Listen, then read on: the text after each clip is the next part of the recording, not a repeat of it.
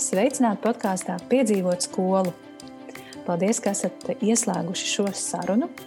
Un es ticu, ka šī saruna būs ļoti, ļoti noderīga un arī ļoti, ļoti aktuāla. Mēs runāsim par izdegšanu. Protams, par izdegšanu skolā. Un šo, uz šo sarunu esmu aicinājusi izglītības vadības koču kā arī cilvēku, kas īpaši interesējas un specializējas izdegšanas eh, novēršanas jautājumos. Tā ir Kristīna Zaksa. Sveika, Kristīne! Sveikai! Paldies, ka uzaicināji šo sarunu! Paldies, ka atsaucies. es domāju, ka izdegšana šobrīd, eh, šajā, šajā brīdī, mums visiem ir aktuāla, bet jo īpaši skolotājiem. Es, eh, protams, atzīstu, ka ikvienā profesijā izdegšana ir eh, nu, tas tāds eh, ļoti sāpīgs un būtisks jautājums. Kā es izlasīju tavā mājaslapā, ka 70% strādājošo cilvēku izdeg, turklāt 50% to piedzīvo atkārtoti. Un man tie skaitļi likās ārprātīgi, šausmīgi, briesmīgi. Un, un domājot par uh, pati par sevi skolā un atceroties savu, savus, savas darba gaitas skolā, savus gadus, es domāju, ka arī es izdegu. Tikai uh, pati to varbūt nenojautu. Uh, neviens man diagnozi neuzstādījis, arī nemeklēju nekādas atbildes. Vienkārši aizbēgu no skolas un joprojām baidos te tuvoties. Tālāk, uh, ar ko sāksim, Kristīne? Kas ir izdegšana? Tāds loģisks jautājums droši vien visiem. Mm -hmm. Kas tas īsti ir un, un kā, kā jūtas izdedzis cilvēks? Tagad visi, kas klausās, var mēģināt identificēt un saprast savas sajūtas un emocijas. Mm -hmm. Tātad Pasaules veselības organizācija izdegšanu definē kā simptomu kopumu, ar ko cilvēki vēršas pie spe, pie speciālista, pie ģimenes ārsta ar kaut kādām sūdzībām.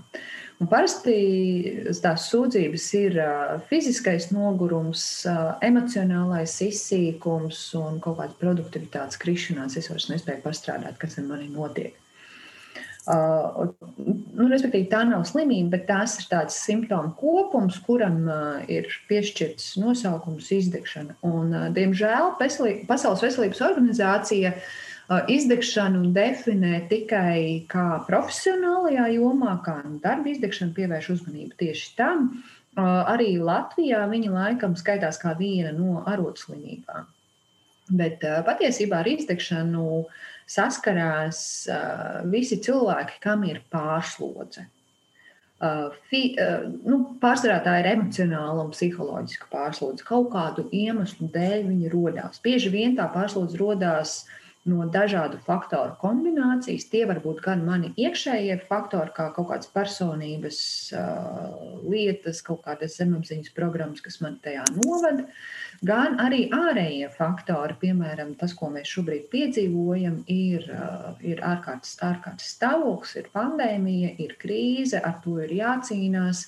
Un faktiski nu, šobrīd uh, frontes līnijās, tātad mums pirmajā frontes līnijā ir mediķi, jā, viss medicīniskais personāls. Un tad otrajā ir faktiski skolotāji. Nu, es, un, un es pieņemu, teiksim, man ir grūti pateikt, tie, kas ir psihiatri, psihoterapeiti, kur viņi atrodas. Jo arī psihiatri par to runā, ka arī nu, viņi jūt, ir pacientu pieplūdums arī psihoterapeitiem kaut kādā brīdī būs. Vienkārši tur ir tas jautājums, vai cilvēki varēs atļauties psihoterapeitu. Jo ārkārtas, tad, kad tikko pavasarī sākās, man bija terapeiti, kas stāstīja, ka nu, klienti sāk atteikties, tāpēc, ka viņi nevarēja atļauties. Mhm. Tā. Nu, tātad, bet kopumā tas ir simptomu kopums, kad ir uh, fiziskais, emocionālais izsīkums un uh, vēlme distancēties no citiem, nespēja veikt savus darba pienākumus, vai gluži otrādi ļoti ātri aiz, aizsvilstās un nespēja vairs sevi saturēt kā rokās. Nu, tas ir jau tāds diezgan galais stāvoklis, jo izdegšanai patiesībā ir ļoti daudz stadijas. Un, uh, mēs nejūtam, ka tas ar mums notiek, jo tas notiek lēnām. Mēs visu laiku pierodam pie tās jaunās situācijas. Un, un ja mēs runājam par izdegšanas stadijām, tad tā nul, nu, es viņu saucu par nulto stadiju.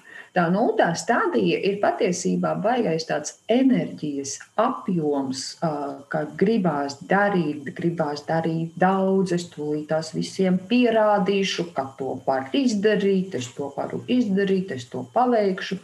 Un tas ļoti lielā mērā bija vērojams martā, kad tikko paziņoja, ka būs attālinātās mācības.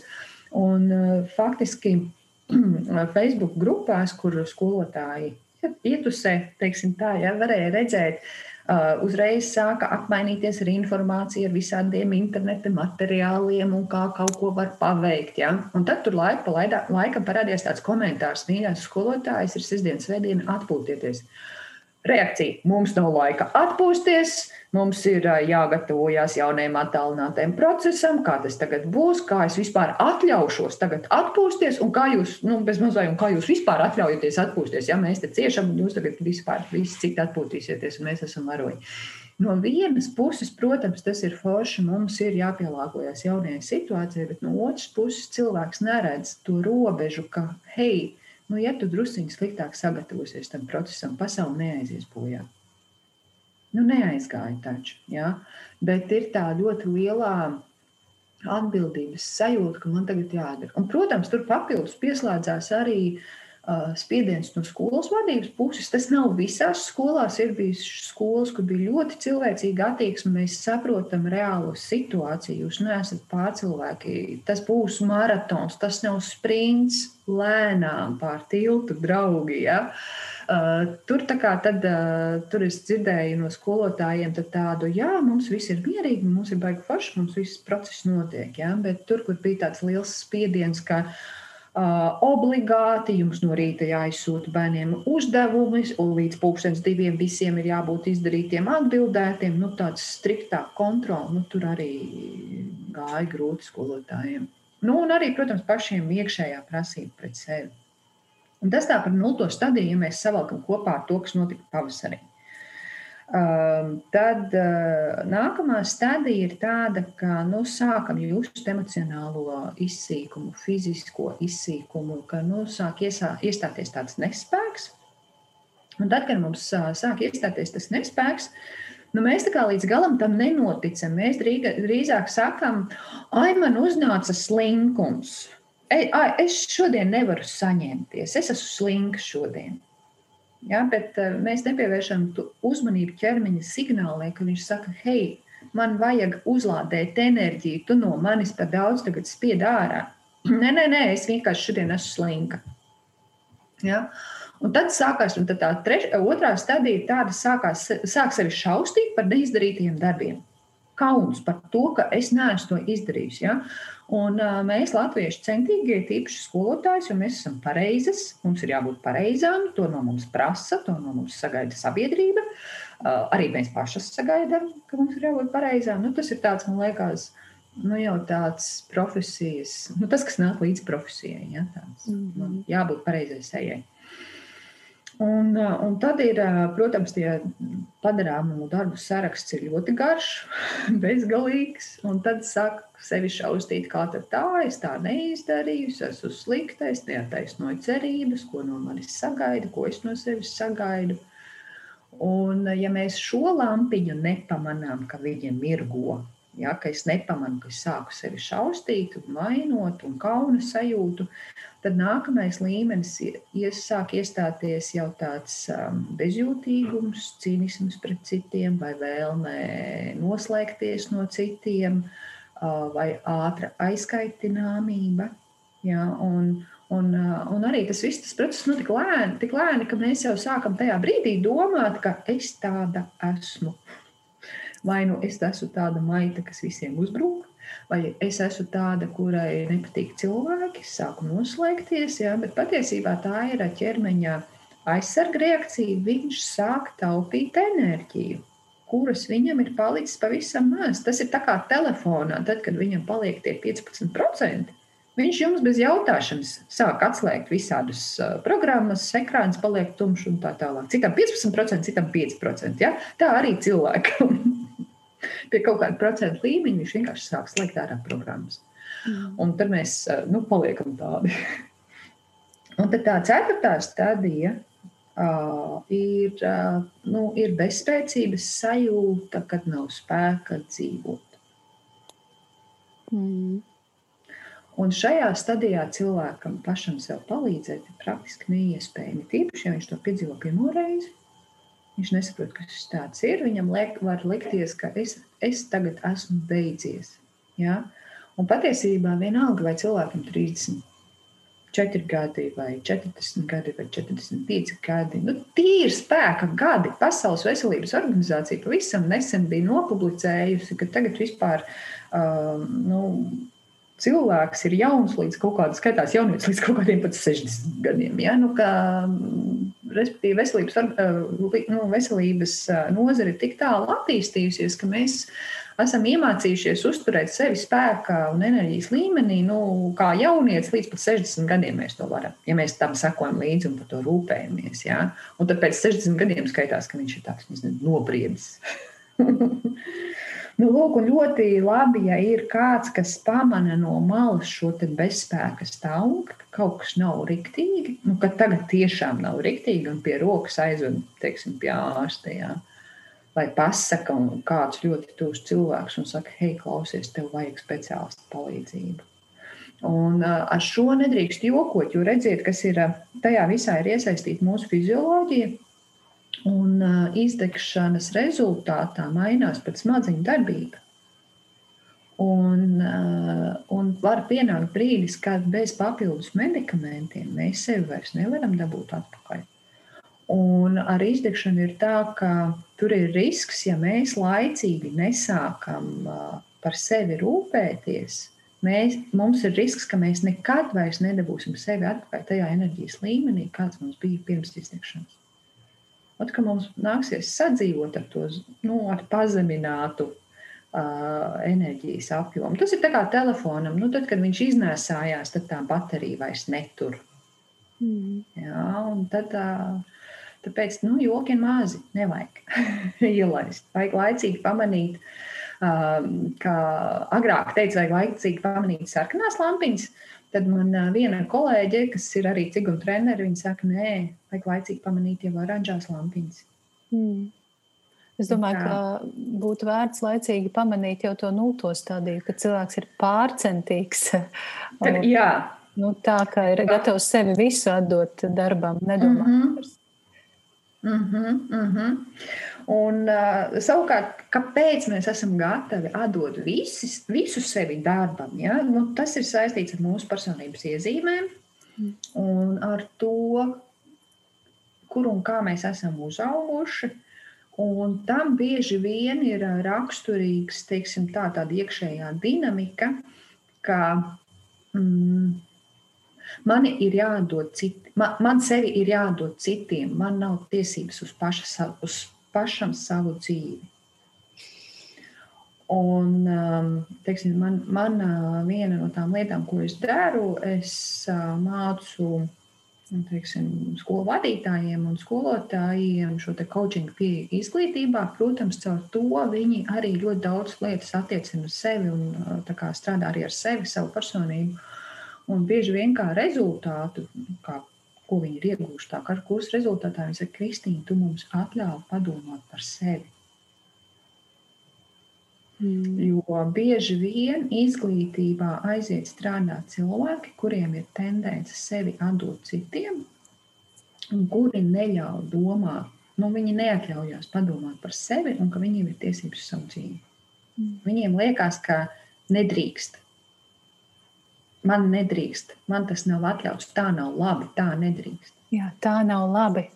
Tas ir ļoti precīzi. Tā nav labi. Mm -hmm. Skolotājs taču ir misionārs, jo skolotājs taču ir tas, kas ziedojās, jo skolotājs ir nu, tāds aug, kaut kas augstāks, kaut, kas, kaut kāda garīga būtne, bezmaz vai. Jā, jā. jā, un diemžēl izglītības ministrija šobrīd manipulē ar to. Mm. un saka, jā, tas ir misijas darbs, jums nepienākās alga. Priecājieties, ka mēs vispār jums kaut ko maksājam. Nu, tieši tādā tekstā viņi nesaka, bet starp rindiņām tas tā izskan. Mm. Un tas, ko strādājot ar skolotāju grupām, es tur jūtu nežēlīgu vainas apziņu. Nežēlīgu. Un, no, teiksim, man nākās diezgan uh, ilgi nodarbībā veltīt laiku tam, ka jūs neesat vainīgi. Tā nav jūsu vaina, kā ar bērniem un viņu ģimenēm notiek tas, kas notiek. Un tad skolotājai ir tas izmisums, bet mēs nevaram salabot viņu ģimenes. Un es saku, un jums tas arī nav jādara.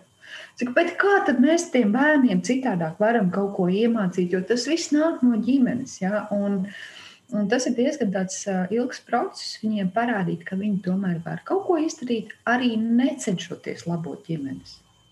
Bet viņi daļa redz kā risinājumu tikai, ja salabot ģimeni. Viņiem ir ļoti grūti samierināties ar to, ka ģimene nodara bērnam pāri. Viņi to redz, viņiem ir grūti to redzēt, viņiem gribas to labot, tur iestājās izmisums, un viņi tajā iesprūst. Un viņi nav gatavi ieraudzīt citu risinājumu, ka viņi tai problēmai var pieiet no citas puses. Un tur tajā izmisumā arī daļa no skolotājiem sadeg. Mm. Kā tu ieteiktu, kas ir tas pieejams no otras puses? Jo es ļoti labi zinu to sajūtu, kad man stāsta mm. par kādu konkrētu klasi. Un uh, rekur tam, tam tur mājās ir uh, vardarbība, uh, Tas, principā, staigā dzīvo uz ielas, un es fiziski jūtu to akmeni, kas sāk mani spiest, mm -hmm. man spiež mm -hmm. sirdi, man spiež plecus, un es jūtos nelaimīga viņu visu vietā. Es jūtos mm -hmm. vainīga, ka man nav resursu, nav, nav spēka to izlabot, un es to mm -hmm. reāli arī nevaru. Mm -hmm. Kā, kā domāt, kā justies skolotājiem? Kas ir tas, kas, kas ir jāmaina mūsu uztverē, domāšanā? Man pašai ļoti palīdzēja sistēmiskā pieeja. Es nu jau, nu jau faktiski trīs gadus maziem, maziem solīšiem mācos šo sistēmisko pieeju, kas saucās, nu, pamatlicējs ir Hellingers, par to varbūt pēc Hellingers, par to varbūt ir ļoti daudz dzirdēts. Un, bet tā nav nekāda maģija ka, vai, vai kaut kas tāds. Tas drīzāk ir uh, kā ieraudzīt individu daļu no lielākas sistēmas. Tā mūsu problēma ir tāda, ka mēs paši mēdzam izslēgt ārā savu ģimeni, vai sevi no ģimenes, vai kādu ģimenes locekli. Viņš ir slikts. Un tāpēc tur pret viņu tiek raidītas visādas jā, vardarbības un tā tālāk. Uh, un tad, un vislielākie cietēji ir bērni, jo bērni patiesībā ļoti mīl savus vecākus. Pat ja viņi dumpojās, pat ja viņi tur visādi iztaisās, tas ir vienkārši veids, kā viņi cenšas um, nu, kaut ko mainīt tajā ģimenes sistēmā. Jo viņi, nu, viņi ir maziņi, viņiem tas nav jādara. Viņiem ir jāsaņem mīlestība un jāaug lieliem. Tas ir vienīgais viņu uzdevums. Ja? Bet uh, tad, kad ģimenē kaut kas nav kārtībā, viņš visādiem veidiem cenšas to salabot un cik nu viņš tāds maziņš to var saprast, kā to varētu labot. Ja? Un tad viņam vienā brīdī viņam iestājās izmisums, un viņš sāk klaņot pielu. Nu, tas tā vienkāršoti stāstot par procesiem, kas notiek. Un, kā, ko darīt skolotājiem tajā uh, stāvoklī? Um, sistēmiskajā pieejā mēs mācāmies palikt tā saucamajā tukšajā vidū. Tas nenozīmē, ka es kļūstu vienaldzīga un izslēdzu savas emocijas bet tas nozīmē, ka um, nu, es, es vienlaicīgi esmu neitrāla, es redzu to situāciju, kas notiek.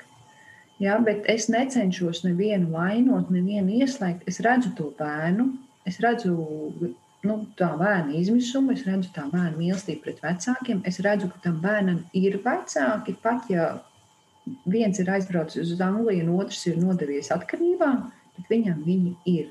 Un ieraudzīt, ka viņš viņus patiesībā mīl. Neizsakāmi. Tas bērnam jau ir daudz, un ja jūs to sirdī spējat redzēt, tad iestājās, nu, tad iestājās tāds miers. Jā, bet tas ir ļoti, ļoti dzīves process. Un, teiksim, es pati uz to esmu gājusi ļoti ilgi, mācoties un ejot cauri arī kaut kādām savām ģimenes lietām un tā tālāk. Jo tas process iet tikai un vienīgi caur sevi. Un tur ir tas skolotāja izaicinājums, ja līdz ko viņš sāk pieskarties tādām lietām, viņam ir jāsāk pieskarties arī savām personīgām lietām. Un neviens to negrib, tas ir sāpīgi. Mm. Tāpēc bieži vien vieglāk ir palikt tajā savā izmisumā, vieglāk ir censties glābt citus, nekā pievērsties tam, kas notiek ar mani.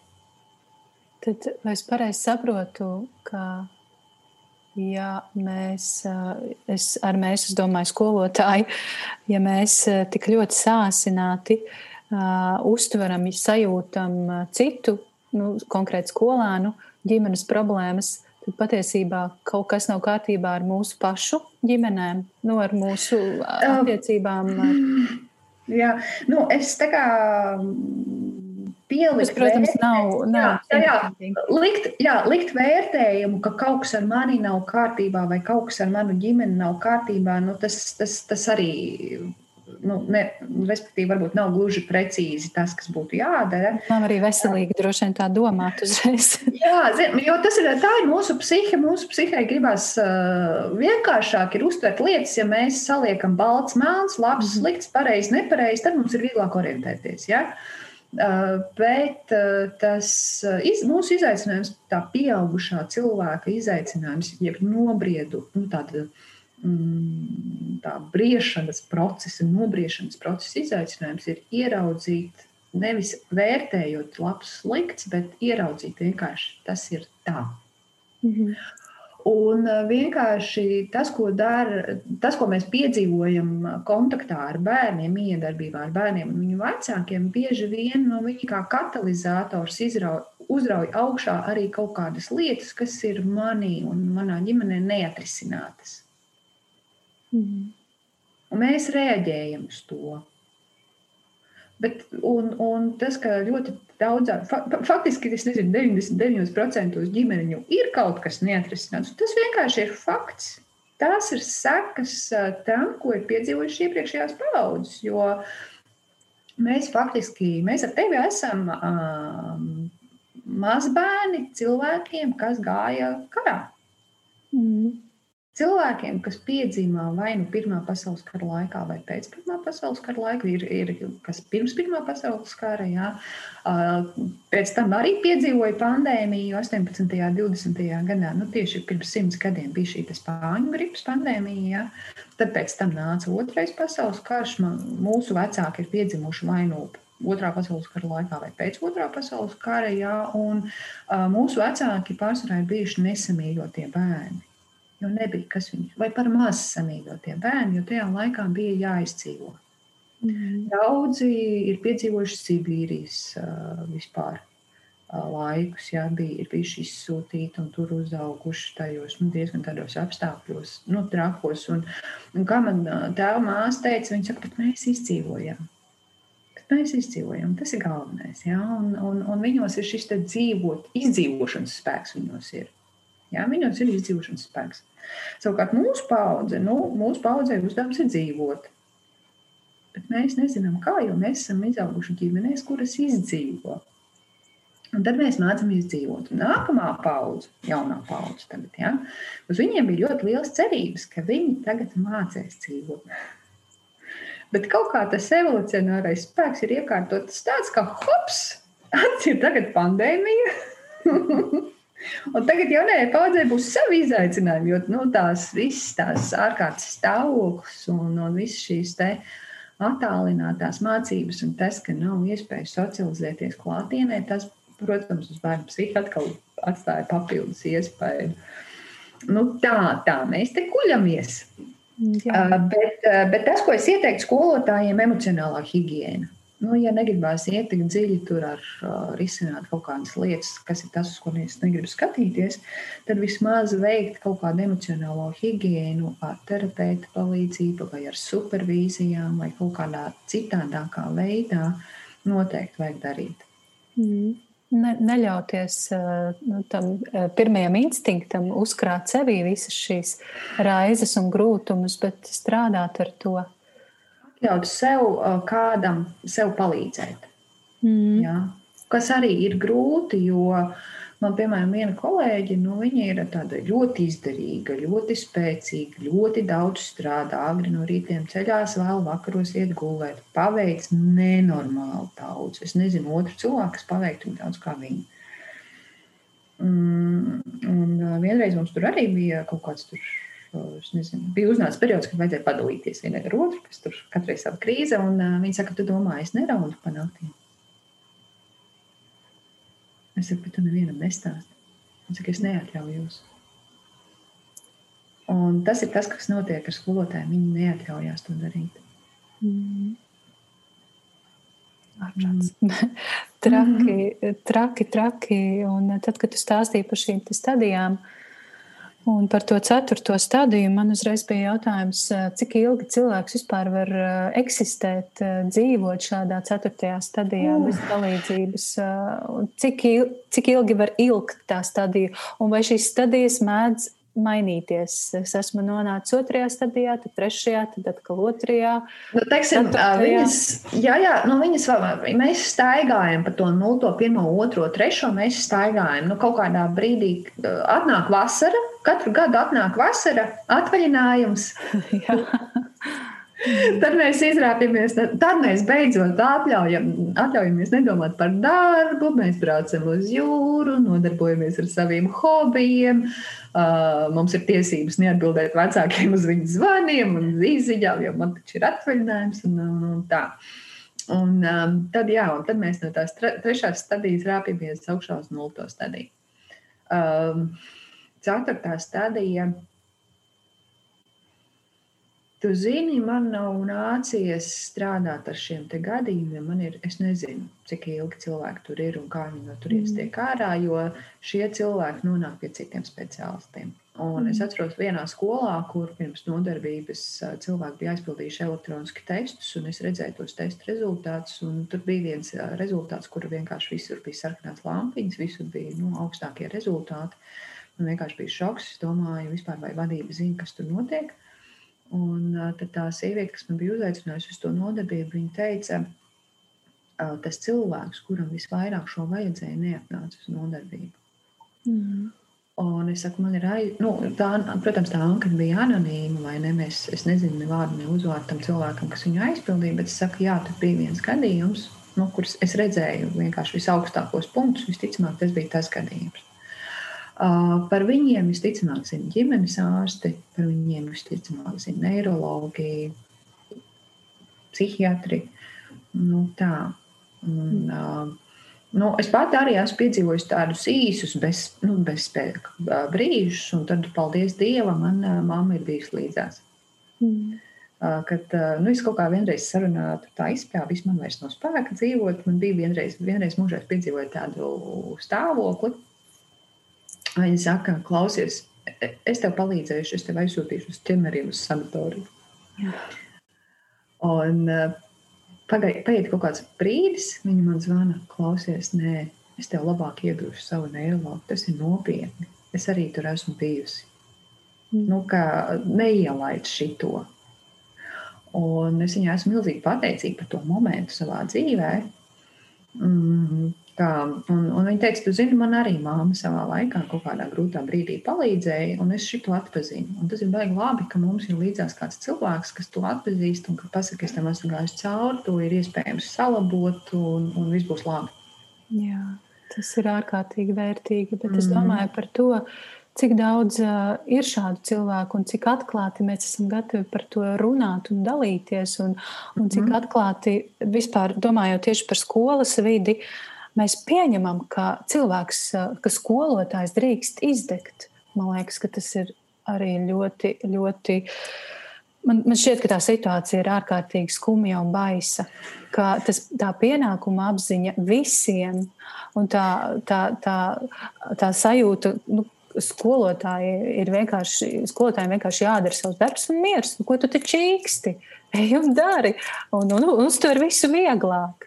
Bet es atceros savas pēdējās dienas skolā, kad es eh, principā katru dienu eh, pēc stundām raudāju. Es nevarēju es īstenībā, jo es šobrīd par to domājot, mm. ļoti emocionāli. Es nevarēju novadīt stundas, jo es vienkārši jūtu, es biju gatava apraudāties turpat uz vietas, un reizēm tas arī notika. Tas bija vienkārši šausmīgi, šausmīgi, šausmīgi skumji un, un tā bezcerība, ko es jūtu. Ka, nu, nu, nu, ka nav viss, viss man vairs mm. nekā nav. Un, mm. un man, es nezinu, man šķiet, ka es, ja nebiju, tad biju ļoti tuvu ceturtajai stadijai. Um. Tas, ir, jā, tas ir tad, kad telefons ir palicis uz 5%, un mēs no viņa cenšamies dabūt ārā nezinu, kādas tur mm -hmm. video šovu. Jā, jā. Viņam ir 5%. Jāgatavo, stundas jā. jāgatavo, jālabo. Un tad es atceros, jā. kā es kāpju tajā skolas kalnā, un man ir sajūta, ka es esmu gatava tūlīt vienkārši pagriezties un aizbēgt. Mm. Projām, nu, ko, es, mm-hmm. ko es gala beigās arī izdarīju. Un, tas bija labākais lēmums. Es nezinu. Es domāju, ka labākais lēmums būtu laicīgi par to runāt, atklāti un meklēt palīdzību. Mm. Un tas ir tas, ko tu tagad dari. Klausoties uz savu pieredzi, tu sāc pievērst citu cilvēku uzmanību tam. Ja? Tas ir labākais, ko mēs varam pēc tam darīt, dalīties ar savu pieredzi, jo ļoti daudz cilvēku nedalās. Ja? Mm. Un, um, un redziet, kas ir tas tā izdegšana, tas ir ļoti, ļoti komplekss, um, ļoti komplekss process. Jo um, izdegšana tas ir faktiski tāda kroniska stresa rezultāts. Jā, viens ir uh, īslaicīgs stress, cilvēkam ir ļoti labs, jo īslaicīga stresa rezultātā mums izdalās liels enerģijas apjoms, un mēs spējam paveikt ļoti daudz lietas, un bieži vien pat radoši to izdarīt. Bet, ja tas stress ir ilgstošs, tas ir tā kā uh, mašī, ar mašīnai ielikt viņu pirmajā ātrumā vai otrajā ātrumā, ja, un tagad braukt no Rīgas uz Daugopilu. Mm -hmm. ja, visu laiku. Īslai, īslaicīgi mašīnai vajag to otro ātrumu. Bet ne jau ilglaicīgi braukt no Rīgas uz Daugopilu. Ja, tur es, mēs es, zinām, Es pilnīgi fiziski es, es atceros to smagumu. Tu aprakstīji, kā braukt pirmajā ātrumā uz Daugaupili, un es jūtu, cik tas ir smagi. Es atceros arī to ķermenisko smagumu. Jā, jā nu, jo mašīnai ir smagi, viņa nobeigsies tur mm. ceļam. Jā, mums ir jāiemācās nu, kaut kā tos ātrums pārslēgt, jo tīri fizioloģiski cilvēka ķermenim nervu sistēmai ir divi ātrumi. Ir parasimpātiskā nervu sistēma, tad, kad mēs esam mierī, mierā, mēs esam drošībā, mums ir normāla sirds darbība, mums ir normāla kuņģa darbība un tā tālāk. Ja? Un ir simpātiskā nervu sistēma, tas otrais ātrums. Tad, kad mēs esam stresa situācijā, sirds darbība pātrinās, kuģa darbība kavējās, bronhi sašaurinās. Tas viss ir domāts tam, lai īstermiņā dabūtu ārā ļoti lielu enerģijas apjomu, lai mēs varētu no tās stresainās situācijas vai nu aizmukt, vai nu viņai uzbrukt un viņu atrisināt. Nu, tas nāk Tā ir fizioloģija. Tā daba mūs ir iekārtojusi. Tā daba ir iekārtojusi visus dzīvniekus. Kā dzīvnieks vai stresa situācijā vai nu uzbruk, vai nu mūku. Lauvas uzbruk, zaķi mūku. ja?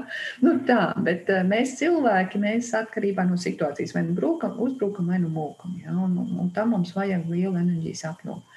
Bet uh, mūsdienās mēs neesam iemācījušies to uh, simpātisko nervu sistēmu pārslēgt atpakaļ uz parasimpātisko. Es parasti saku, mums tur podziņa iesprūst, tas slēdzītis. Mēs viņu nevaram dabūt atpakaļ.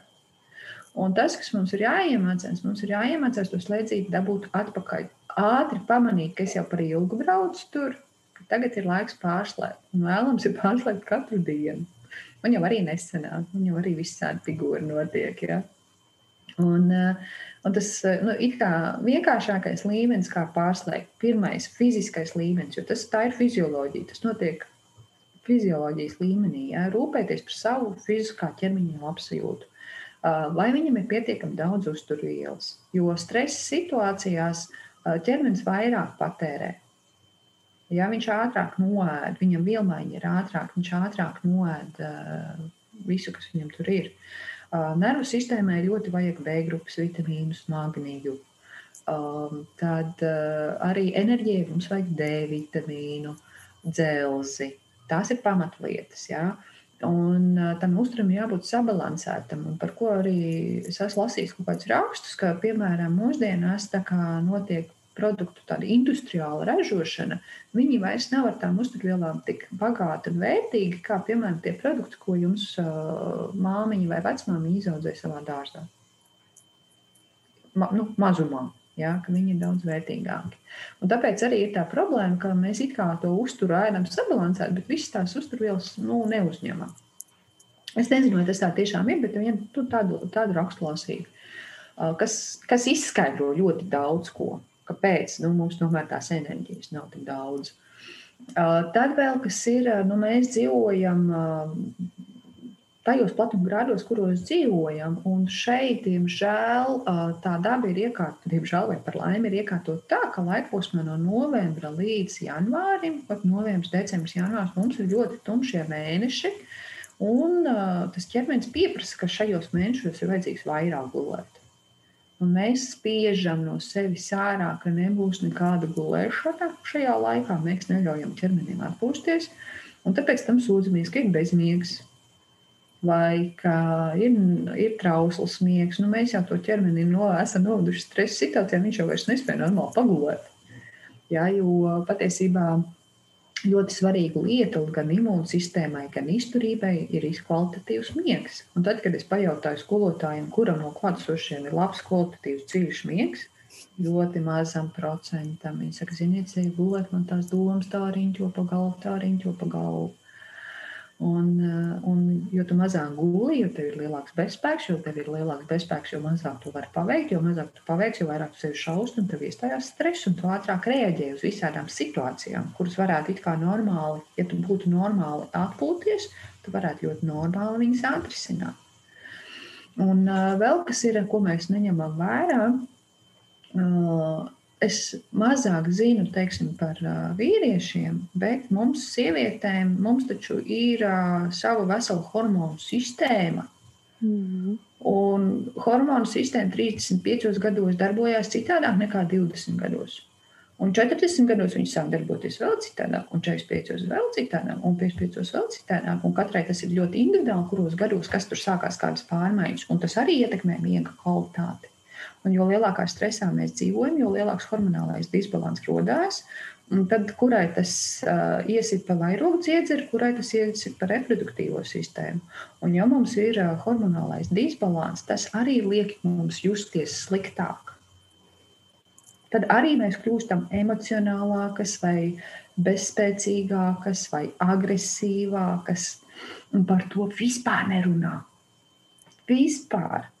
Un tad, kad nu, teiksim, es pati ar šo esmu saskārusies, un man liekas, ārprāts būtu, es to zināju pirms četriem gadiem, tad, kad man sāka parādīties pirmie simptomi. Toreiz kaut kāda ideja bija, varbūt ir hormoni. Ai, nē, nu, kur tā no manā vecumā? Un tagad es lasu, jā, 34, 35 gadi ir tas vecums, kad samainās. Ja, mēs tur spīķājam, jā, jā, tur sieviete, viņa tur kašķīga, viņa tur šitāda, ja, un pašas vēl par to smīķājam, bet sakojam līdzi. Un tad man nesen viena paziņa, tāda uzņēmīga sieviete, ukrainieta, viņa bija nopublicējusi tādu ierakstu, ka vispār mīļās sievietes jums ir jāsāk sakot līdzi savam nu, hormonu stāvoklim jau 30 gadu vecumā. Un man liekas, kāpēc man to neviens nepateica? Es būtu uztaisījis visus, visas iespējamās analīzes. Viņš saka, jums vispār jāsako līdz tendencēm, kā jūsu hormoni uzvedās, lai jūs pēc tam 40 gados jau varētu palīdzēt. Man ir tāds, ko man tagad darīt manos 40? Kad es neesmu tos visus iepriekšējos desmit gadus neko darījusi. Es nezināju, kas tur man kādas tendences bija. Un tas, ko es ļoti, ļoti ieteiktu nu, tām sievietēm, ja ir um, šīs emocionālie kāpumi, uh, Tā ir vēl viena lieta, kur paskatīties. Un, diemžēl ne visi ārsti mūs sūta uz tām analīzēm. Ja viņi aizsūta uz kaut kādām hormonu analīzēm, tas ir kaut kādi nu, tikai tādi tā no puzles lielā attēla, kaut kādus mazus gabaliņus paskatīties, un tā kopaina tik un tā nav. Kāpēc? Tāpēc, ka tas ir dārgi. Uztaisīt visu kopainu, jā, bet no otras puses. Nu, man bija tāds, bet, bet es to naudu būtu nopelnījusi, ja man kāds būtu pateicis. Jā. Nu, tā. Mm. Apmēram, tāpēc es saku, nu, to savu fizioloģiju vajag pārzināt. Ārsts jums visu nepateiks. Ārsts jums novērsīs uh, simptomus, jā, bet uh, nestrādās ar cēloņiem. Reti kurš strādā ar cēloņiem. Mm. Mm. Nu, tas, tas atkal ir jautājums par rūpēm uh, par sevi. Nu, tas ir tas galvenais. Uh, tad, kad tu stāstīji par šo miegu, es atcerējos, ļoti labi atcerējos burtnīcu kaudzes neizlaboto mm -hmm. darbu kaudzes. Sajūta, ka man taču vēl jāizdara tik daudz, vēl jāsagatavojas mm -hmm. stundai, vēl tur jāuztais prezentācija un, un vēl jāuzraksta ēpasts kāds ēklasē. Un, un šeku reku jau viens un divi naktī, un mhm. viss, viss nebūtu, nav izdarīts. Un es domāju, ka daudz skolotāju šo klausās un domā, nē, nu jā, jā, runājiet, runājiet, bet kā tas ir reāli izdarāms? Vai tiešām. Nu, un, nu, zini, tas, un tas, ir, un tas ir baisais trakums, jo mm -hmm. teiksim, izglītības ministrija un IKVD to pieņem kā normu. Mm -hmm. Ka jums taču ir slodze, mēs taču jums maksājam, bet neviens neparēķina, ka, ka patiesībā realitātē, lai paveiktu to darbu, ir vajadzīgs daudz vairāk laika. Ja? Mēs taču jums ielikām slodzē sagatavoties katrai stundai 5 minūtes. Vai tad jums nepietiek? Reku ir. Tas ir tāpat kā pasniedzējiem augstskolā. Ja, ka, nu kā ir, reku jums slodzē, slodzē ir ielikts eksāmenis, stundiņa. Aha, stundiņu simts studentiem sniegt kvalitatīvu atgriezisko saiti. Tas ir uz studentu, cik, min, cik sekundes man ir paredzēts. Un rakstiski man viņiem ir jā, jāsniedz vēl, jā, un, un piln, pilnos uh, sakārtotos, pakārtotos teikumos. Mm. Jā, nu, tas ir, protams, ļoti sāpīgs jautājums par, par to, kā, tas, kā tas darbs tiek novērtēts.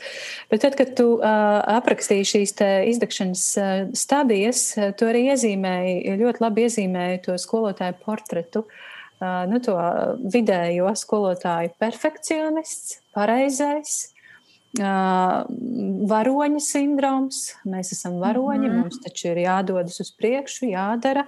Un tā sajūta, ka sevi jādod citiem. Nu, ideāls komplekts ātrai izdegšanai, es domāju. Mm -hmm. Un vēl pie tam tas, ko turās, saprotu, no skolotājas ir tāds super cilvēks. Viņš nežēlīgi ilgi turās. Mm -hmm. Un man ir aizdomas, ka turās šie te, kas nāk no izdzīvotājiem, izdzīvotāju ģimenēm, Jā. un jaunā paudze vairs neturās. Es pilnīgi tam piekrītu. Pilnīgi. Un, un es abrīnoju savu pieredzējušo kolēģi izturību. Tiešām abrīnoju, kā viņi Bet ārēji izskatās, ka viss ir kārtībā. Es, es pat domāju, mm -hmm. ka varbūt arī iekšēji viņi jūtas. Eh, es, es... Viņi... Mm -hmm. Jo ko dara izdzīvotāji? Izdzīvotāji uh, nogriež jūtas, mm -hmm. izslēdz. Tas ir vienīgais veids, kā mēs varam izdzīvot, izslēgt jūtas. Viņi to prot lieliski, viņiem tas labi sanāk. Tas nenozīmē, ka viņiem nav emocijas. Emocijas ir, bet uh, izslēdz jūtas. Un uh, savukārt nākamā paudze viņi vairs nespēja slēgt ārā. Viņiem ir tendence atgriezt to, kas ir izslēgts. Viņi sāk just. Mm -hmm. Hei, kas tas tāds? Tas nav normāli. Un iepriekšējā paudze saka, bet saņemies. Ko ko tu tur čīksti, ja? jo viņš, viņ, viņam nav tā pieredze, kā tas ir just, vai, var, vai arī sajūta naktīs, pilvenā, drusciņā pajaut, kas tāds bija, čik, ārā. Un, un, un, bet cilvēks ir būtne, kas jūt. Cilvēkam ir jājūt, un tad mēs nākamā paudze sākam just visu kaut ko. Un tad mēs nesaprotam, kas ar mums notiek, jo iepriekšējā paudze saka, nevajag just. Jā, un mēs jūtam, ka Mēs jūtam, ka jūtas ir. Un, tagad, un tad ir tas interesantākais, vēl, kas ir izglītībā. Tagad ir uh, jābūt sociāli emocionālajai audzināšanai. Mm. Mums ir bērni jāaudzina sociāli emocionālā audzināšana. Un es tā domāju, es pie sevis domāju, tā, no kā mēs, mēs tie, kas mēs nejūtam, ja? Kā mēs viņus tā audzināsim, sociāli, emocionāli? Kas tas tāds, bet mēs viņus padarīsim par zaudātiņiem, centīsimies vai kā? Nu, tas ir tāds ļoti interesants process. Jā, jā, mums bija kursi par sociālo, emocionālu audzināšanu. Mēs viņus tagad audzināsim. Un kas notiek ar jums? Mums nevajag. Mums bēr, bērniem vajag. Mm. Kā tu to vari izdarīt, ja tu to neesi piedzīvojis? Un kā es biju uz kursiem? Kursos teica tā? Jā, jā, jā. Un, un tas, kas ir visbriesmīgākais, nu, tas, protams, nav nekāds datos. Datos balstīts pētījums, bet tas, ko es dzirdu no, no kolēģiem, no manas mammas, kas joprojām strādā skolā, ka tas, cik daudz skolotāji saslimst ar to briesmīgāko no slimībām, jeb vēzi, tas procents ir vienkārši baiss arī Un tas jau tas viss ir... nāk no tām apspiestajām emocijām. Nu, es tur ezotēriski sāku runāt. Varbūt. Nē, nē, nē, tas nav ezotērisks, tas ir psiholoģisks. Psiholoģija šo fenomenu skatās.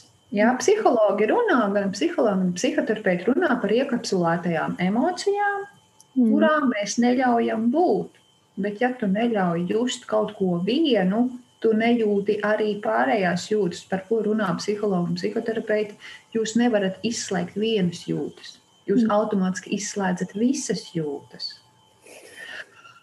Un uh, vēzis, uh, jā, jo nu, par ko runā arī zinātnieki, mediķi, Vēzis jau nav tikai uh, fiziska saslimšana, tas ir psi, uh, nu, arī psiholoģiskais fons tam visam. Ir.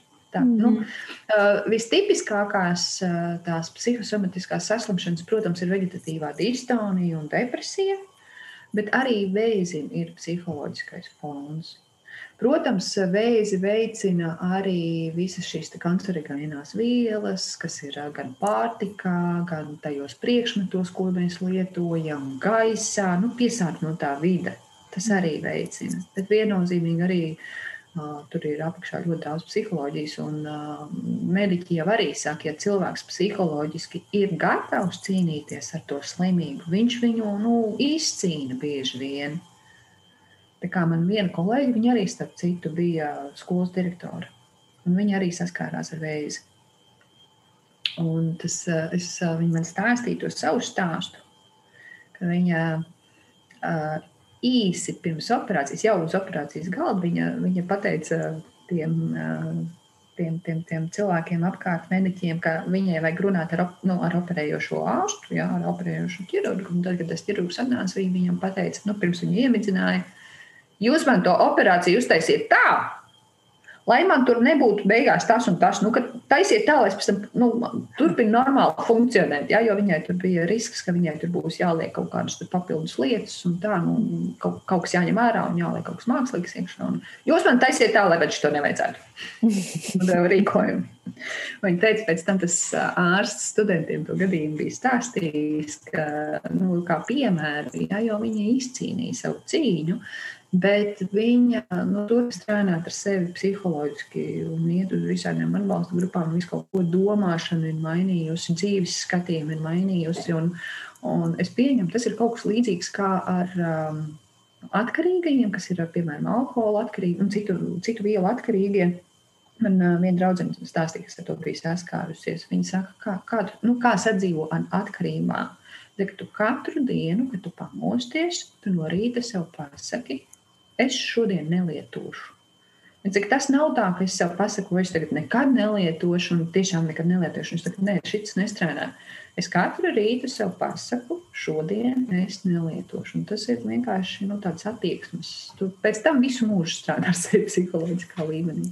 Un, uh, par, izdegšanām, redzi, par izdegšanām jau ir līdzīgi, kāpēc 50% saskarās atkārtoti. Tāpēc, ka bieži vien tas saistīts ar pašu psiholoģiskiem procesiem, kas mums notiek, un mums sevi ir jāizzina un jāmācās sevi vadīt, jāmācās laicīgi pamanīt tos, tos signālus. Un, un, un tāpēc ir tā, ka pirmā reize mums nesanāk, sāk sanākt ar otro, trešo vai ceturto reizi. Mm. Bet, kas ir tas, kas, kas skolotājiem būtu jādara, lai, lai nenokļūtu tajā tīklā, izdegšanas tīklā?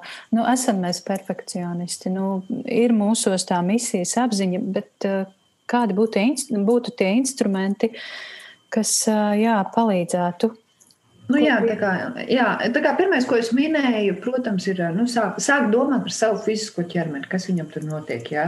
Mm. Atrast savas miega formulas, kas ir tas, kas man palīdz labi izgulēties. Es, piemēram, sev esmu piefiksējis, ka man ir vajadzīgs katru dienu kaut kādas fiziskās aktivitātes, vismaz 30 minūtes, kā man nav tā, es pa nakti mostos. Un, uh, es arī esmu biju uztaisījis sistēmu, ka es tur gāju uz grupu nodarbībām, biju atradusi sporta klubu, kurš ir dara maniem laikiem tā, un ārkārtas izstājās ārkārtas situācija, tagad to nevar darīt. Man ir jāmeklē atkal pa jaunam. Ja? Es visu laiku dabūju būvēt savu sistēmu pa jaunam. Uh, ir baigi forši, ja skolotājām ir savi dārziņi. Man viena kolēģi veids pētījumu, teica, ka tām skolotājām, kurām ir savi dārziņi, mazāk pakļautas iztikšanas riskam, jā, jo viņas var aiziet un dārzā pastrādāt. Nūjošanas ļoti daudz sāk nodarboties palīdz. Ja, tātad kaut kādas fiziskās aktivitātes, miegs, uzturs, mm -hmm. fiziskās aktivitātes. Nākamais līmenis ir par emocionālais līmenis. Parūpēties par savām emocijām, kuras varu izlādēt savas negatīvās emocijas, kuri ir tie pozitīvie, optimistiskie cilvēki, kuru sabiedrībā es jūtos labi un meklēt to sabiedrību. Ja? Uh, nu, jā, nu sākt izvairīties no tiem cilvēkiem, ar kuriem jūs jūtaties slikti. Nu, jums ir izvēle vai nu grimt kopā ar viņiem, vai izķeproties ar tiem, kas ķeprojās ārā. Ja, nu, tas ir kā Titaniks grimst. Nu, jūs ko darīsiet? Jūs izvēlēsieties slīpt ar pārējiem vai, iz, vai glābties ar tiem, kas glābjās. Ja? Nu. Tad es pareizi saprotu, ka tu ieteiktu mainīt uh, skolu. Ja, uh... Ui, ja skolotājs šobrīd grib mainīt skolu, viņam tādas iespējas, jēziņ! Kur vēl? Visur trūks skolotāji, jo skolas vide ļoti, ļoti ietekmē. Ļoti. Man viena skolotāja stāstīja savu gadījumu. Viņa bija ļoti teiksim, tā, slimīga. Nu, bieži, bieži slimoja, bija jāņem slimības lapas un tā. Un viens cits skolas direktore viņu uzrunāja. Saka, nāc pie manis, man vajag tādu un tādu skolotāju tā tāda priekšmetu skolotāja. Viņa saka, oi, ziniet, direktori, diez vai, ka es varēšu pie jums, es bieži slimoju. Viņa saka, nekas, mēs ar to tiksim galā, tu tik nāc pie mums. Vienmēr sakot, viņi viņu pārvilināja, jo šobrīd strādā headcounting's, strādā uz izglītības nozarē šobrīd. Nu. jā, nu lūk. Un, un viņi saka, un ziniet, kopš es strādāju šajā skolā, es neesmu slimojusi. Mm. Tā kā viennozīmīgi pozitīva vide ļoti palīdz. Ļoti. Es zinu vienu citu skolu, kur viņi ievies tradīciju, ka katru dienu, otrajā starpbrīdī skolotājiem, skolotāja istamā ir joku, stātīs, joku stāstīšanas starpbrīdis. Protams, ne, jūs nevarat tikt katru otro starpbrīdi, nu, katru dienu uz to otro starpbrīdi. Ir arī citas lietas, kas jādara. Bet vismaz jūs zināt, ka jūs regulāri tajā vietā, tajā laikā varat dabūt pozitīvismu devu. Un viņi teica, sākumā mēs bijām tāds maziņš bērniņš, kas to darīja pārējie vīpsnāji, un zinām, bet pēc tam kolektīvs pavilkās, jo viņi saprata, tā, tā ir enerģijas deva, kas man palīdz tikt tam gadam cauri. Un arī skolēni zināja, ka tajā starpbrīdī skolotāja istabā skolotājs nedrīkst traucēt. Un, ja līdz ko jūs ieviešat noteikumus un robežas, citi cilvēki sāk to respektēt. Uh, un, uh, respektīvi, kas vēl ir jāiemācās, ir jāiemācās teikt nē, ir jāiemācās novilkt savas robežas, jo skolotājs šobrīd ir sasniedzams 24, 7 WhatsApp grupās. Mm -hmm. Un, ja skolotājs pats neuzstāda robežas, viņam sāk kāpt uz galvas, Visi 60 vecākie skolotājiem nu, nu, ir 30 bērni klasē, tātad viņam, viņam ir saskarsme ar 60 vecākiem un 120 vecākiem. Mm. Nu, rēķiniet, kas ir tas apjoms, ko viņš iznes uz saviem pleciem. Nē, ir jānovelk robežas un ir jāatrunā noteikumi, kad es esmu sasniedzams un kad es neesmu sasniedzams. Kad ir tie gadījumi, kad man drīkst traucēt naktī, un kad nē, jo, jo skolotājs nav ātrā palīdzība, neatliekamā. Jā. Jā. Un ir skolas, kur uh, direktors tā arī pasaka, pēc pusdienas pieciem mēs viens otru netraucējam. Un paldies viņam par to. Nevis tā kā man uh, viens skolotājas stāstīja gadījumu, viņš saka, iedomājieties, nu, ir pirmā adventa svētdiena. Nu, mēs jau tā tikko pārkārtojām vispār mācību procesu, lai būtu tie trīs kvadrātmetri. Man svētdienā atsūta ziņu, ka vēl tur kaut kas tur pa sadarbības grupām kaut kas nav izdarīts. Nopietni. Nopietni. Mm. Nu, tā, valkam robežas, nācamies teikt, nē, emocionālā higiēna. Ja ir iespēja nu, tiešām dabūt arī kaut kādu regulāru profesionālo atbalstu, supervīziju, terapiju, vēl kaut ko. Nu, terapija nav vienkārši process, bet nu, kaut kāda psihologa atbalsts vai supervīzijas atbalsts kaut vai tas jau ir daudz. Uzturēties, jā, opti, pozitīvi, optimistisku cilvēku sabiedrībā, meklēt, apzināti to meklēt. Jo zinātnieki ir pierādījuši, ka cilvēku smadzenēm ir tendence sinhronizēties. Mm -hmm. Tas nozīmē, ka mēs sinhronizējamies. Ja mēs nokļūstam čīks, čīkstuļu barā, mēs sinhronizējamies ar čīkstuļiem. Ja mēs nokļūstam priecīgo barā, mēs sinhronizējamies ar viņiem. Nu, un, tas, Tas trešais līmenis, es arī jā. atceros, lasīju, piedod, ka pārtraucu uh, uh, par, to, par to sinhronizēšanos, uh, ka viss ir atkarīgs ko, ko, ar ko tu sasinhronizēsies gada sākumā. Ja tu mm -hmm. nonāc tajā čīkstuļu kompānijā, tu ātri beidz no turienes prom, jo tik ātri tur var tajā visā iegrimt. Mm. Viss, viss mācību gads tā arī paies.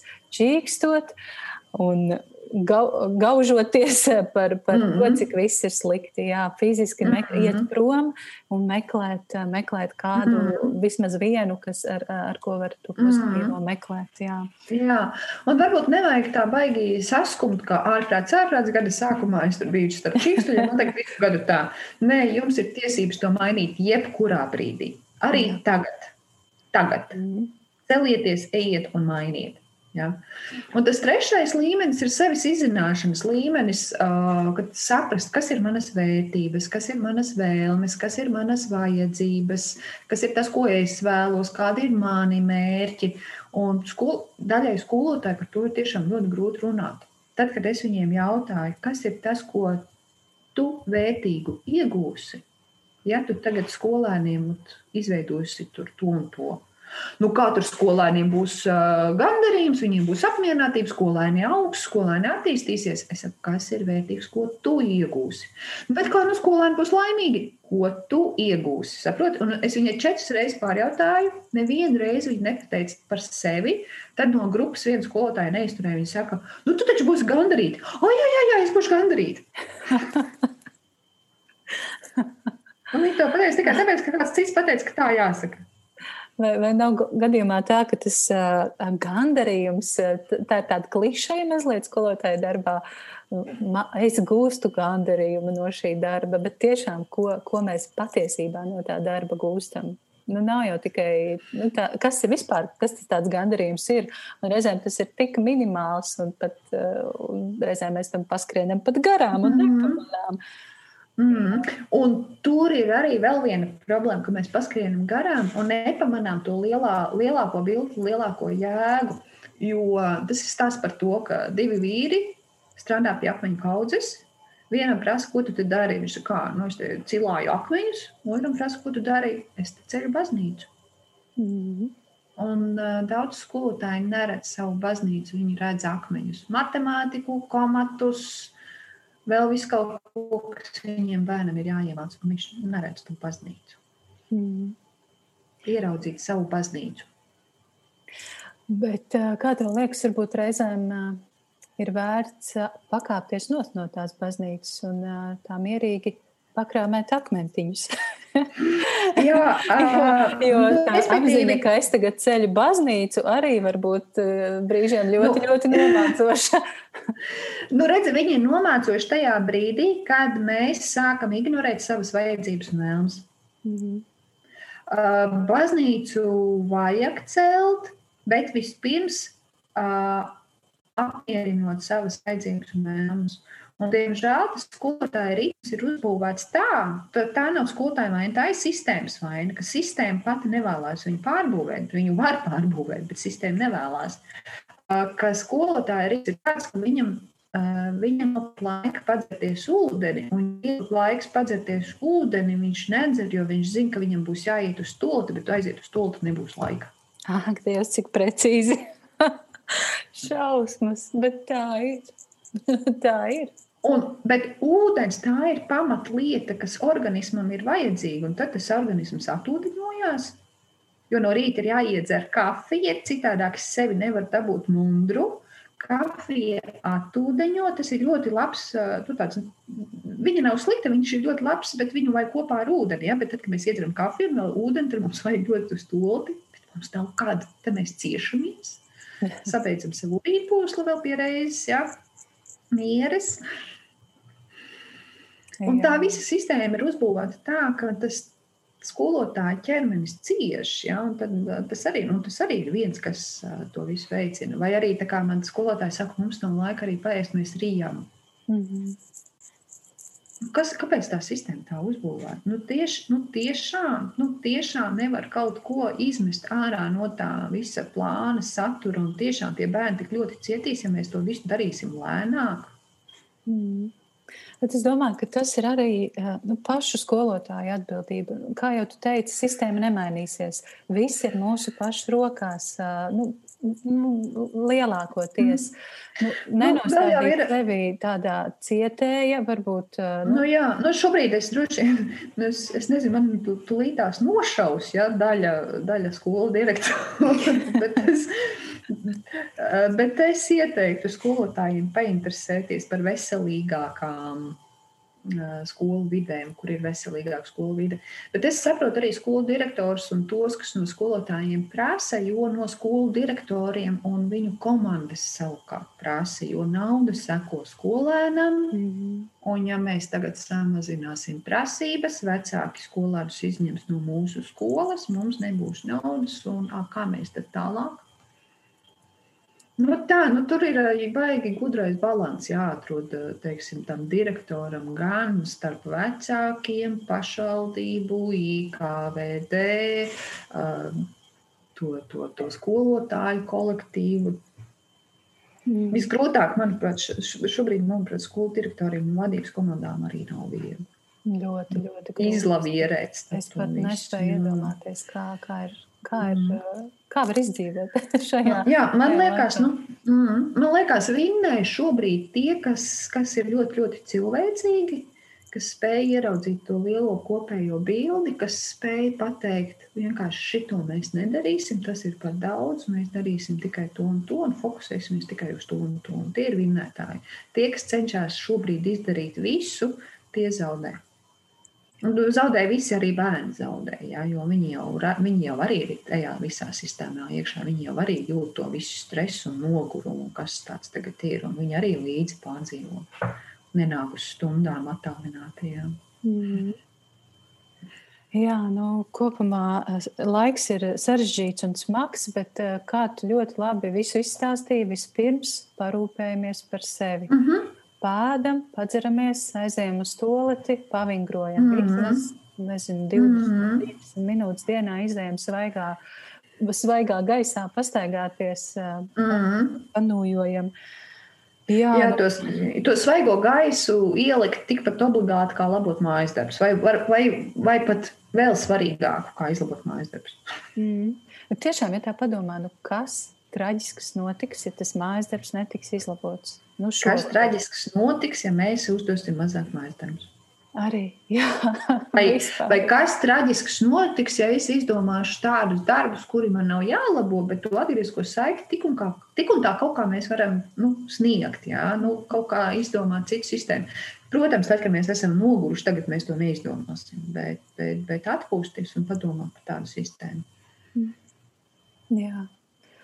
Huh, huh, es, es, es, kuru, es tik ļoti vēlos, lai šo sarunu noklausās pēc iespējas vairāk skolotāju un kaut ko sadzird un, un, un palīdz jau šo, šodien, šovakar pats sev. Es nezinu, vai viņi klausīs. Jā, piedod, es nezinu, vai viņi klausīsies gandrīz pusotru stundu. o, jā, nu, tad mums ir jāvirzās uz, uz laimīgām beigām. Uh, Kristīna, es gribēju, lai tu vēl pastāstīji, kas ir tas, ko tu, uh, tu kā kočs piedāvā skolām, skolotājiem, skolu vadībai, un kā, kur, kur var atrast par tevi informāciju, kur tevi meklēt. Mhm. -huh. nu, tā, tā pamata platforma, kuras darbojos, ir uh, pieaugušo izglītības mācību iestāde Radošuma pils. Mājaslapā arī ir rado, radosuma pils.lv. Um, ieteiktu sekot mums Facebook, jo aktuālāko informāciju pēdējā, pēdējā laikā mēs liekam Facebook. Tā mājaslapā mēs nespējam nopublicēt. Visi jau Facebook ir pieteikušies, grupas pilnas un, un tā tālāk. Un kas un, ir tas, kas tur tiek piedāvāts? Nu, mani kolēģi tur piedāvā, gan es, gan mani kolēģi piedāvā daudz un dažādas lietas. Šobrīd mēs vairāk fokusējamies uz um, caurvīju prasmēm, pašvadītas mācīšanās uh, lietām, audzināšanas lietām un tā tālāk. Un uh, es, uh, es pati uh, šobrīd kopā ar Kadriju Beiroti esam izveidojuši sākuma skolai kursus. Mums ir komunikācijas metodas pašadītas mācīšanās, veicināšanai un problēmu risināšanas prasmju attīstīšanas tādu kursiņu sākuma skolas skolotājiem. Ir doma attīstīt arī citu līmeņu skolotājiem. Un nākamgad janvārī sāksies skolu mm, vadītājiem un vadības komandām kurs par coachingu pieeju izglītības vadībā. Es vēl neesmu izsludinājusi datumus, tāpēc es ļoti ilgi vēroju, vai būs tā klātienē iespējama vai nē, jo visefektīvāk ir klātienē, bet izskatās, ka būs jātaisa tomēr tas attālinātais. Un, kā... un, tas, un tas kurs ir domāts tieši skolu vadītājiem, tiem skolu vadīt. Mm -hmm. direktora pieredze un, un, un darbā. Jā, jā skolas vadītājiem. Jā, direktoriem, vietniekiem, arī, arī metodiskā darba vadītājiem. Nu, respektīvi, tie, kuriem ir jāvada citu cilvēku darbs skolā. Un, nu, pārsvarā visi atzīst, ka tas bija ļoti, ļoti vērtīgs kurs, ka viņi ir mainījuši gan komunikācijas stilu, gan sadarbības stilu. Pēc tam man ļoti daudz direktori aicina arī uz skolu pie savām vadības komandām, lai nodotu tās pamatlietas. Viņi saka, lai mēs beidzot sāktu runāt vienādā valodā. Nu, tā. Tā kā tas mm. informācija drīz parādīsies, tāpēc, ka man vienkārši datumi jāsaliek tagad. Ir. Mm. Tad mm. uh, var sazināties uh, Facebook ar, ar radošumu pili. Ar radošumu pili vai droši var meklēt mani Facebook, Kristīna Zaksa. Mm -hmm. Uzrunāt, tas ir tāds vis, vistiešākais veids, kā man var atrast. Man ir arī sava personīgā mājaslapa, bet uh, nu, viņa šobrīd ir tāda mazāk aktīva. Mm -hmm. Mm -hmm. Tad var arī tevi, tikai tevi uh, uzaicināt uz skolu. Uh, mm -hmm. un, un kas ir tas, ko tu piedāvā? Vai tās ir kādas pārunas, vai tā ir kāda nodarbība? Nu, pārsvarā uh, mani aicina ar nodarbībām kolektīvam. Um, ir bijušas, nu, tas pieprasījums ir, jā, kā tikt galā ar izdegšanu, kā uzturēt sevi enerģijas līmenī. Uh, tad ir par sadarbību, kā mums kolektīvā sadarboties no tīri no tāda uh, psiholoģiskā aspektā, ja nevis kā mums veidot tās uh, caurvīja prasmes, bet kā mums cilvēkam ar cilvēku sadarboties un saprasties. Um, tad ir, um, tas ir tādas pamatlietas, ar ko es startēju. Nu, un arī mērķu uzstādīšana, motivācija, pašvadīta mācīšanās un tā tālāk. Mm. Uz konsultācijām aicina retāk, tāpēc, ka budžetā tas nav paredzēts. nu, vairāk pašvaldības saprot, ko nozīmē apmācības, nesaprot, ko nozīmē konsultācijas. Jā, jā. Tā. Jā, skaidrs. Milzīgs paldies tev par šo sarunu. Kā jau es teicu, es ļoti, ļoti ceru, ka, ka tu tiki sadzirdēta. ja vismaz viens skolotājs šovakar, šodien noliks nost savu, savu nebeidzamo darbu sarakstu, un izies pastaigā, tas Jā. ir sasniegums, tā ir uzvara. Un, un es domāju, ka tas ir ceļš uz priecīgāku rītdienu un jauno darba mm -hmm. nedēļu. Es parasti šīs sarunas publicēju svētdienā. Es nezinu, kad tās visbiežāk klausās. Tas nu lai paliek pašu skolotāju, klausītāju ziņā. Bet es gribētu, lai tu, Kristīne, pasaki kādus spēka vārdus jaunajai nedēļai visiem, visiem, kas šobrīd klausās kas būtu tas, ko tu gribētu novēlēt, pateikt, jā, lai, mm -hmm. lai mhm. tāda laba sajūta nākamajā nedēļā? Nu, ko es gribētu pateikt? Es gribētu pateikt, ka tā skābekļa maska vispirms ir jāuzvelk sev. Un tikai tad jūs varēs, varēsiet palīdzēt citiem. Kā mm. lidmašīnā. Vispirms skābekļa masku sev, un tikai tad jūs varēsiet citiem palīdzēt. Jo citādi jūs varat nepaspēt. Nu, varbūt nav iedvesmojoši, vai varbūt ir biedējoši, bet es gribētu tiešām aicināt, trīkst un vajag vispirms padomāt par sevi. Un tikai tad jūs varēsiet pilnvērtīgi strādāt ar citiem. Brīnišķīgi. Es atļauju. Es atļauju. Jā, paldies, tev, milzīgs Kristīna, un paldies arī visiem klausītājiem. Un uz tikšanos nākamajās sarunās. Atā. Jā, paldies, Aija. Atā tas šodien arī viss. Paldies, ka noklausījies! Ja tev patika un likās noderīga šī saruna, noteikti uzrakstiet savas pārdomas Facebook vai Instagram, vai varbūt uzrakstiet man e-pastu uz piedzīvot atgmail.com. Vēlēs atbalstīt podkāstu tapšanu? Dodies uz www.patreon.com šķērsvītra piedzīvot un kļūsti par podkāsta mīļāko atbalstītāju, jeb patronu. Paldies! Un uz tikšanos nākamreiz!